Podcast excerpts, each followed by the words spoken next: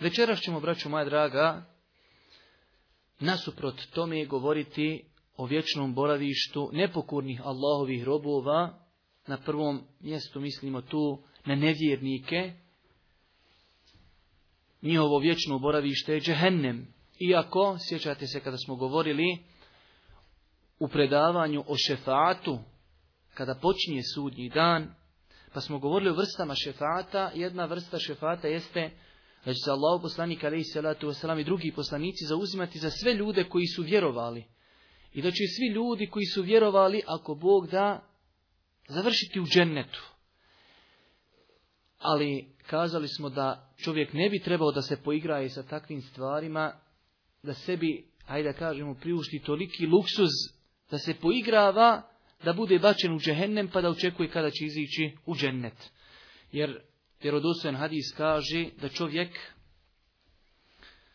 koji je proživio najveće blagodati na Dunjaluku, kada ga samo zamoće u džehennem i kada ga izvadi i kada ga upitaju jesi li ikada na Dunjaluku išta dobro proživio, kaže nikada. Samo što su ga stavili u džehennem i izvadili. Zbog žestine džehennemske patnje. A onaj čovjek koji je imao najviše iskušenja na Dunjaluku, njega i zasluži džennet. Kada ga uvedu u džennet, samo ga uvedu i izvedu. Kažu Boži robe, jesi ti ikad na Dunjalku doživio šta loše? Kaže gospodaru nikad. Odjednom zaboravio zbog ljepote dženecke. Zato ćemo mi, braćo moja draga, opet povodeći se praksi Allahovog poslanika, pa čak jednoj metodi kuranskoj, a to je Vidjet ćete dosta puta u Kur'anu kada se govori o stanovnicima dženneta, odmah nakon toga se govori o stanovnicima džehennema. Ili kada se govori o određenim ajetima, pa čak u jednom ajetu Allah Želšanu kada kaže reci mojim robovima da sam milostiv, ali da ne bi ljudi shvatili toliko milostiv radi šta hoćeš mojo, ne. Ali kaže tako isto im kaže da je moja, moja kazna žestoka. I ja vjerujte bio sam dobro zanijetio da ne govorimo mi o džehennemu uopšte. Govorili smo dva predavanja o džennetu, napunili malo baterije naše imana, vidjeli ste kako smo se svi smješkali kada smo govorili o onim džennetskim, džennetskim ljepoticama, hurijama, ali ipak vidio sam shodnim i korisnim da govorimo i o džehennemu. Kako bi to bio balans naših života na Dunjaluku, jer ako bi govorili samo o džennetu, to bi bilo ono jedno krilo ptici, a ptica ne može letjeti osim sa dva krila. I uvijek bi, kad mahala s samo u krug. Ali dva krila su potrebna da, da ptica leti. I tu je ta nada u Allahovu milost i strah od Allahove kazne.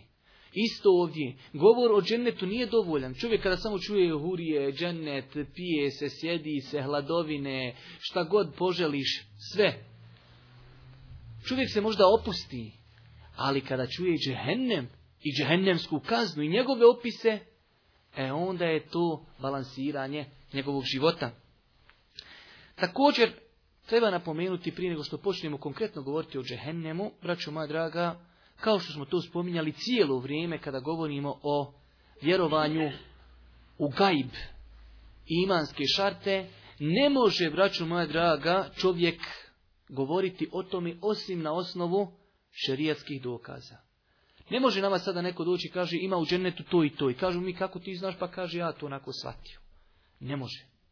Sve što se kaže o džennetu i džehennemu mora imati podlogu ili u kuranskim ajetima ili u hadisima Allahog poslanika alihi I tu uzmite sebi jedno veliko pravilo. I ne samo u podlogu, podlogu hadisima Allahog poslanika, već ti hadisi moraju biti vjerodostojni. I vjerujte da ja imam izuzetno mnogo problema kada pripremam ova predavanja, da proberim hadise koji nisu, znači koji nisu slabi.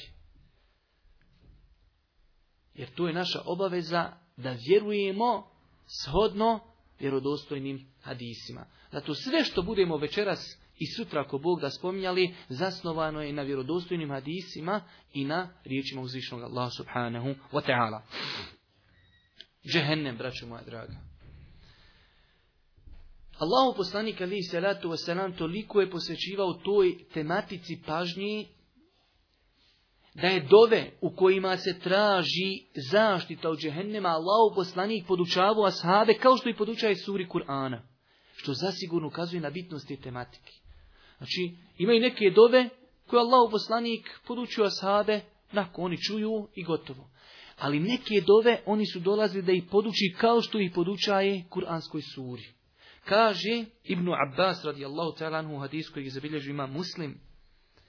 Allahu poslanik nas je podučio i podučavao svoje ashabe ovoj dovi kao što je, kaže, podučavao kuranskim surama. A to je poznata ona dova koja se uči prije selama, nakon proučenog etahijatu. Ona ima razno raznih verzija. Kulu Allahumma inna ne'udhu bike min azabi jahannam. Odmah na prvom redu četiri stvari, četiri stvari od kojih čovjek treba da se utječe Allahu Đelešanu, a prva kaže Allahu poslanik, recite gospodaru utječemo se tebi od vatre džehennemski. Odma prva stvar. Nakon toga utječemo se tebi od kaburske patnje, utječemo se tebi od iskušenja Mesih Deđala i utječemo se tebi od iskušenja života i smrti četiri stvari, ali kaže podučavao nas je ovoj dovi kao što nas je podučavao suri iz Kur'ana. Zbog čega, vraću madra? Zbog bitnosti ovih spomenuti stvari u ovoj dovi. Kabur, Mesih i Dejjal, vatra džehennema, iskušenja života i smrti. Također, od argumenta koji ukazuju, želim da vam malo približim bitnost te tematike, jesu i riječi Allahu poslanika u vjerodostojnom hadisu, kaže Allahu poslanik, ko tri puta kaže ili ko se bude utjecao Allahu Đelešanu od vatre, kaže vatra, kaže gospodaru zaštiti ga od mene. A kaže, ko bude tri puta tražio da Allah da ga uvede u džennet, i džennet kaže, gospodaru uvedi ga u džennet. Sve ovo citiramo da vidimo koliko pažnje Allah poslanik posvećuje toj tematici, podučaje sahabe, tražite džennet, tražite zaštitu od džehennema. Svima nama je poznat hadis koji izbilježimo Buhari od Ebu Hureyri, malo duži hadis koji nosi u sebi mnoge koristi. Kaže Allah poslanik, Allah Đelešanu ima skupinu meleka koji su zaduženi da hodaju putevima i traže ehlu zikru da traže ljude koji spominju Allaha. Kaže kada nađu neku skupinu da spominju Allaha, oni prekriju svojim krilima sve do nebes, do ovog dunjalučkog neba. I zovnu jedni druge, kaže, dođite, dođite. Evo našli smo, kaže, ono što tražimo. I onda, kaže, počinje razgovor između njih i gospodara Allah subhanahu wa ta'ala. A kaže, uzvišeni Allah subhanahu wa ta'ala, šta rade ti moji robovi? Kaže, spominju te gospodaru zikrom, subhanallah, Allahu akbar, walhamdulillah, zikr čini. Kaže, uzvišen je Allah melekima, on to zna najbolje. Kaže, su li oni mene vidjeli? Kažu, nisu, gospodaru. A šta bi, kaže, kada bi me vidjeli, kažu meleki, onda bi te još više, gospodaru, slavili i veličali. Kaže, šta traži ti moji robovi? Šta hoće oni? Što se okupili? Kaže, gospodaru, traži džennet jesu kaže, oni vidjeli džennet. Pa nisu, gospodar. Kaže, a šta bi da su ga vidjeli? Kažu meleki, još više bi ga tražili. A kakvu zaštitu? Čega oni zaštitu traži? Kaže, traži da ih zaštitiš od tri džehennema. Kaže, uzvišeni Allah, jesu li oni vidjeli taj džehennem? Utiču se od nečega, jesu ga vidjeli? Nisu, kaže gospod. E da su ga, kaže, vidjeli, još bi više, meleki odgovaraju gospodaru, da su ga vidjeli, još bi više se oni utjecali od džehennema. I to je ono zbog čega citiram ovaj hadis. Čovjek treba da spozna džehennem i njegov opis kako bi se mogao istinski bojati tog džehennema i istinski tražiti utočište kod uzvišenog Allaha. Pa kaže uzvišen Allah na kraju, postoje različite predaje.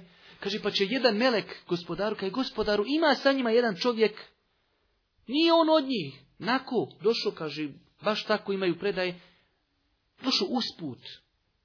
Čovjek nije od te ljudi da je došao on zikr, da je on došao na, na, na taj neki skup. Već jednostavno možda čeka nekog da iziđe pa da sa njim nešto pazari. Kaže, humul qaum la yashqa bihim jalisuhum. To je skupina, to je narod a njihov, kaže, taj jaram, prijatelj, onaj ko sjedi s njima, neće biti nesretan. A ima druga predaja gdje pita uzvišnjava šta oni još traži na, toj, na tom skupu. Kaže, traži oprost grijeha. Kaže, uzimam vas za svjedoke da sam vam oprostio, a i tome što nije sa njima, i njemu sam oprostio. Vjerodostojan predaj predak kod imama muslima. Kaže, i njemu sam oprostio. Tamo kaže, kao, neće on biti nesretan, ali vjerodostojan rivajat kaže, i njemu ću oprostiti. Ali ovaj hadis nas podučava, braću moja draga, bitnosti ove tematike. Džehennem. Da se ljudi utječu, da tražiš od Allaha, pa će Allah se ako Bog da odazvati toj dovi. Zato ako pogledamo život Allahog poslanika, ali i salatu wasalam, vidjet ćemo on kao najveličanstvenija osoba koja je kročila zemljom, toj tematici je mnogo pažnje posvećivao. On, koji najveću deređu kod Allaha ima, kaže Enes Allahu ta'ala anhu, Kane ekferu dua. Najviše što je Boži poslanik dovio. Zapamte ovo sad. Najviše, kaže. Jedna od dova koji je najviše koristio. Rabbena atina fi dunja hasene. fil ahirati hasene waqina azaben nar. Gospodaru, daj nam na dunjaluku dobro. Pogledajte kako su njegove dove bile kratke, ali uopće dobro. U svakom pogledu dobro. Dobro auto, čestitu djecu, čestitu suprugu, zdravlje, dobro, sve dobro što je na dunjalku, daj nam. Daj nam i na ahiretu dobro. I onda iz svega toga šta je izuzeo? na azaben nar. I sačuvaj nas sva tri džehennema. Ništa nije izuzeo. Daj na dunjalku dobro, daj na ahiretu dobro. Dok ti dadne Allah još na ahiretu dobro spasio se od Ali još dodatno, Allah si vatri sačuvaj. Šta to ukazuje? Svaka stvar, braćo moja draga, koja se izuzima iz općeg teksta, ona je bitna. Zato pogledajte ovaj događaj koji izbilježi ima muslim, koji je izuzetno interesantan i poučan. Kaže, jedne prilike Allah poslanik obišao jednog sahaba koji je bio bolestan. Hadis kod muslima. Kaže, pa ga je zatekao, pogledajte opis. Kaže, prenosioc hadisa, kaže, bio je isto ptiće. Kad ptiće tek iziđe iz znate kako je ono čupavo i mršavo i nikakvo. Kaže, zateko je toga sahaba isti ptiće, nikakav mršav suhonjav. Pogledajte pitanja Allahog poslanika. Mi kad vidimo nekog bolesnog, šta ga prvo pitamo? Jesi li bola išao doktoru? Jesi pio išta? Kaže Boži poslanik, jesi ti šta dobio robe Boži? Pa jesam, kaže gospod, jesam Boži poslanić. Šta si, kaže, ti dobio bolan? Pa taki. Zar je moguće da čovjek dovi tako slabi, tako mrši, tako bolestan? Kaže, ja sam dobio gospodaru, ako ćeš me kazniti na ahiretu, daj mi tu na dunjalku. Jadnik, on je skonto, veli, hajde, sam da se iščupam, ja ću na Dunjalku, nema vezi na Dunjalku, sam daj mi ahiret. Kaže, pa robe Boži, ti to imaš izdržati. Što nisi, kaže, rekao, rabbe natina fi dunja hasene, o fil ahireti hasene Što nisi, kaže, rekao, daj mi gospodar na dunjalku dobro i na ahiretu dobro i sačuva me vatri.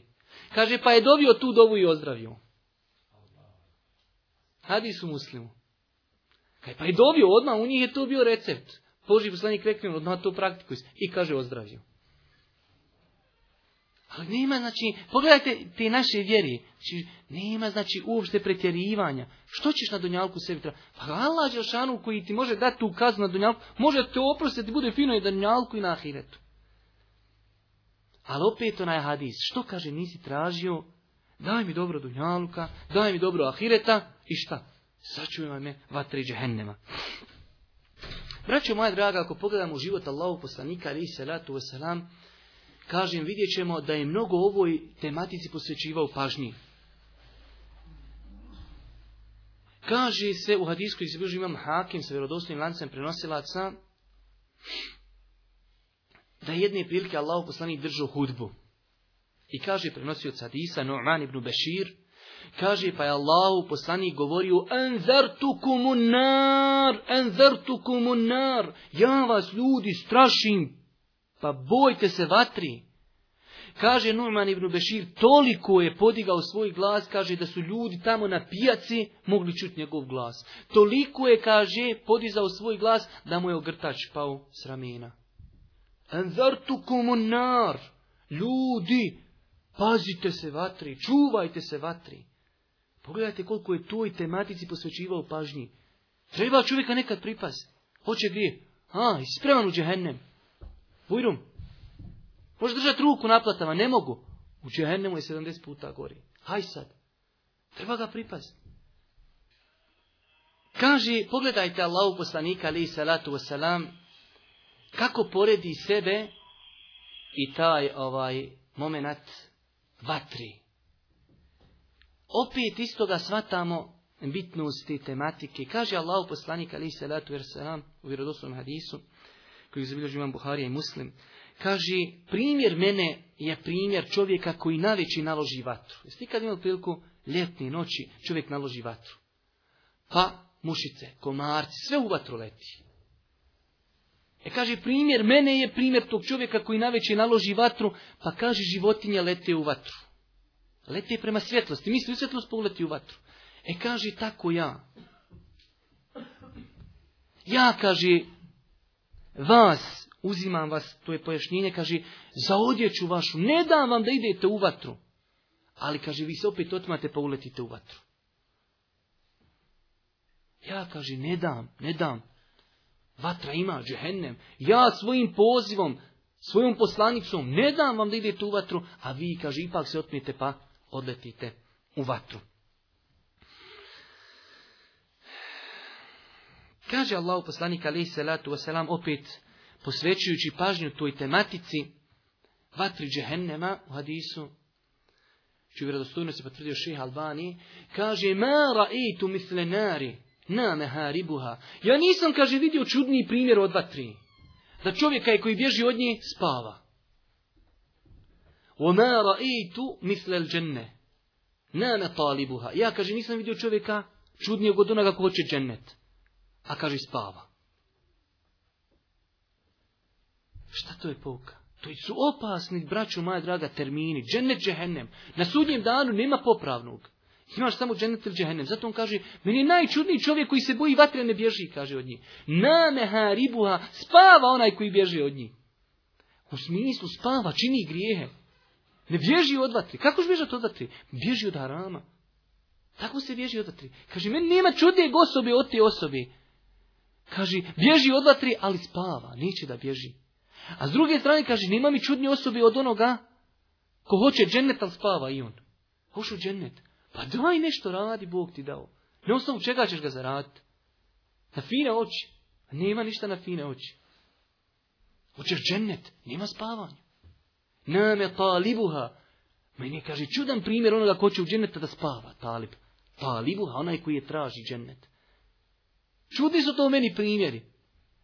Sve ovo citiramo, braću moja da vidimo koliko je Allah tu je pažnji posvećivao pažnji tim momentima. Džennet, džehennem. Čudim se ljudi, kaže ja vama, kako možete ovaj tako da se ponašate. Kaže Allah poslanika, alaihi salatu wasalam, opet u hadijskoj izražava muslim, kaže